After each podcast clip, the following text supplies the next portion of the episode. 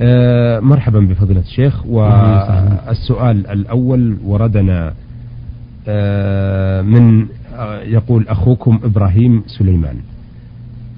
يقول إن لي خال وقد توفي منذ حوالي سنتين أو أكثر ولخالي أخ أكبر منه وطلب مني أن أحج لهما وحجيت.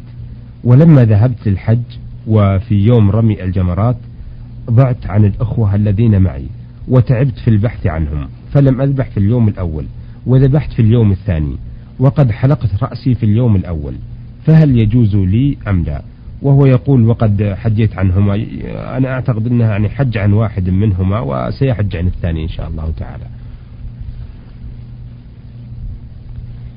الحمد لله. هذه آه، النقطة التي أشرت إليها وهو قوله إنه طلب أن أحج عنهما فحج هو يمكن أن يكون حج عن واحد منهما. نعم. أما إذا حج عنهما جميعا في نسك واحد فإنه لا يجوز لأن النسك الواحد لا يتبعض. لا بد أن يكون عن شخص واحد فإذا أراد أحد أن يحج عن أمه وأبيه مثلا في سنة واحدة بنسك واحد فإن ذلك لا يجوز. وإنما يحرم عن أبيه في سنة أو عن أمه في سنة وعن والد الثاني في السنة الأخرى. وأما بالنسبة لما فعله من تأخير ذبح إلى اليوم الثاني والحلق في اليوم الأول فإنه لا بأس به. وذلك أن الإنسان يوم العيد ينبغي أن يرتب الأنساك التي تفعل فيه كالتالي. أولا يبدأ برمي جمرة العقبة ثم بعد ذلك ينحر هديه. نعم. ثم يحلق رأسه أو يقصره والحلق أفضل. ثم ينزل إلى مكة فيطوف طواف الإفاضة وهو طواف الحج. ويسعى بين الصفا والمروة إن كان متمتعا أو كان قارنا أو مفردا ولم يكن سعى بعد طواف القدوم. فإن كان قارن أو مفردا وقد سعى بعد طواف القدوم فإنه لا يعيد السعي مرة واحدة مرة ثانية. نعم. آه، أيضا هذه رسالة من السائل محمد حسن القرني. يقول آه، ما حكم صلاة الضحى؟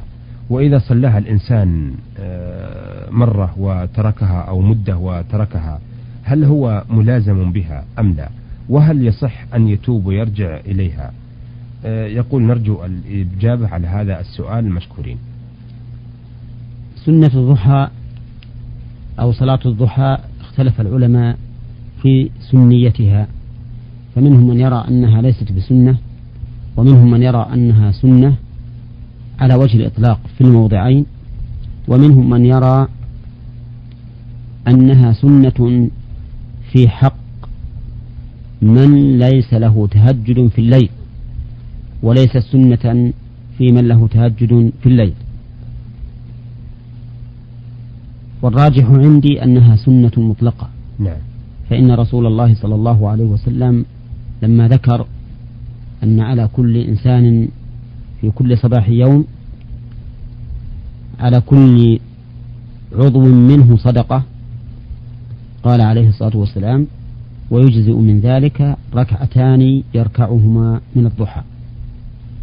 فهذا يدل على أنه ينبغي للإنسان أن يصلي ركعتين في ضحى كل يوم. نعم. حتى يطمئن إلى أداء ما عليه من الصدقة على كل عضو منه ويكون ما يأتي من التسبيح والتهليل وقراءة القرآن والأمر بالمعروف والنهي عن المنكر وغير ذلك من أعمال الخير يكون زيادة في حسناته. نعم.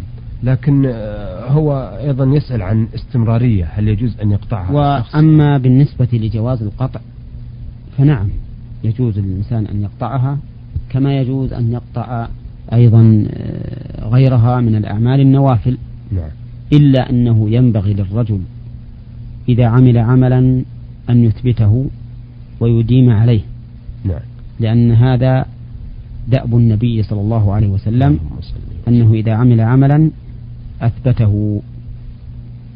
وقد قال لرجل من أصحابه لا تكن مثل فلان كان يصلي من الليل فترك قيام الليل. نعم. نعم. أحسنتم. هذه رسالة وردت من الخماسين من وادي الدواسر من السائل محمد إبراهيم سلطان. أه يقول عندي كمية من أكياس الأرز وهو بمستودع عندنا بوادي الدواسر ويأتي إلي أناس يشترونه مني بقيمته في السوق ويدينونه على أناس آخرين فإذا صار على حظ المدين أخذته منه بنازل ريال واحد من مشتراه مني. ثم يأتي مثلهم أناس بعد ما يصير على حظي ويشترونه وهكذا وهو في مكان واحد إلا أنهم يستلمونه عدا آه، في محله. فهل في هذه الطريقة إثم أم لا؟ أفيدونا ولكم جزيل الشكر. نعم هذه الطريقة حيلة على الربا. الربا المغلظ الجامع بين التأخير والفضل أي بين ربا النسيئة وربا الفضل. وذلك لأن الدائن يتوصل بها إلى حصول اثني عشر مثلا بعشرة نعم وأحيانا يتفق الدائن والمدين على هذا قبل أن يأتيا إلى صاحب الدكان على أنه سيدينه كذا وكذا من الدراهم العشرة العشرة اثني عشر أو أكثر أو أقل ثم يأتيان إلى هذا إلى صاحب الدكان ليجري معه هذه الحيلة. وقد سمى شيخ الإسلام ابن تيمية رحمه الله سمى هذه الطريقة الحيلة الثلاثية. وهي بلا شك حيلة على الربا ربا النسيئة وربا الفضل. نعم. فهي حرام ومن كبائر الذنوب. وذلك لأن المحرم لا ينقلب مباحا بالتحيل عليه بل التحيل عليه يزيده خبثا. ويزيده إثما.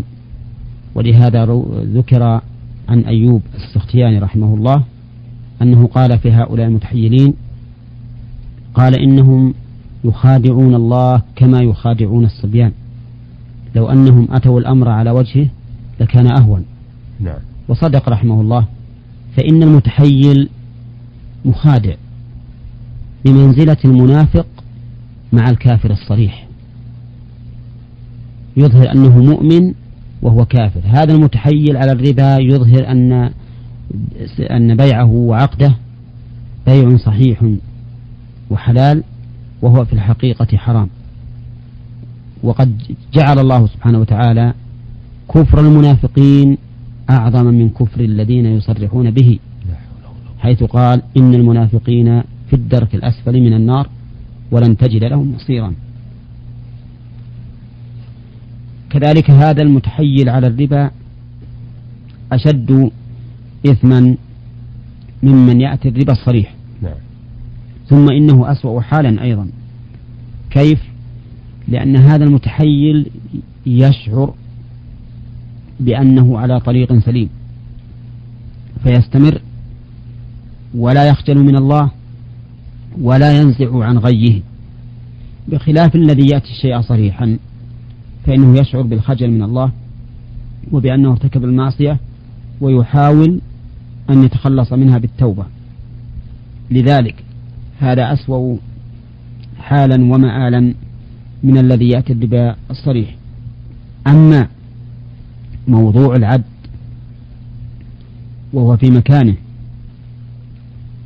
وجعل ذلك من باب القبض فإنه أفتى به بعض الناس نفسه أو غيره استنادا إلى قول الفقهاء رحمهم الله ويحصل قبض ما بيع بعد بعده. وعندي أنه لا بد من حيث الوجهة الشرعية لا بد مع ذلك من القبض وهو الاستيلاء التام الذي يكون الشيء في قبضتك وتحت حوزتك. لكن إذا بيع بالعد لا بد مع ذلك بالإضافة إلى كونه في حوزتك وفي قبضته لا بد مع ذلك لا بد مع ذلك من عده. نعم. فإن كان هذا مراد الفقهاء فهو مرادهم. وإن لم يكن مرادهم فهذا هو ما تقتضيه الأدلة الشرعية أن القبض أن يكون الشيء في قبضتك. لكن إذا كان قد بيع بعد أو كيل أو وزن أو ذرع فلا بد من وجود هذه الأشياء ليتم القبض نعم. ويؤيد ذلك أن رسول الله صلى الله عليه وسلم نهى أن تباع السلع حيث تبتاع يعني حيث تشترى أي في المكان الذي اشتريت به حتى يحوزها التجار إلى رحالهم وهذا آه، مسلك من مسالك تحريم هذه المعاملة التي أشار إلى الأخ نعم. فالمسلك الأول أنها حيلة وخداع على الربا ربا الفضل والنسيئة والمسلك الثاني أنها معصية للنبي صلى الله عليه وسلم حيث نهى أن تباع السلع حيث تبتاع حتى يحوزها التجار إلى رحالهم نعم. ومن المؤسف جدا وحقا أن كثيرا من الناس يتعاملون بها كما أشار إليه الأخ.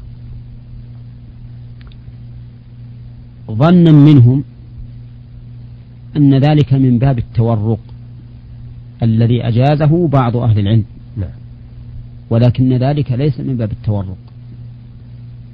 ولهذا تجد أهل العلم كشيخ الإسلام ابن تيمية رحمه الله إذا أتى على وجه إذا أتى على ذكر التورق ذكر خلاف أهل العلم فيه.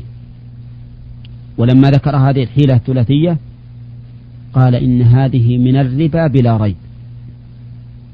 فدل ذلك على أنها ليست من مسألة التورق في شيء. نعم.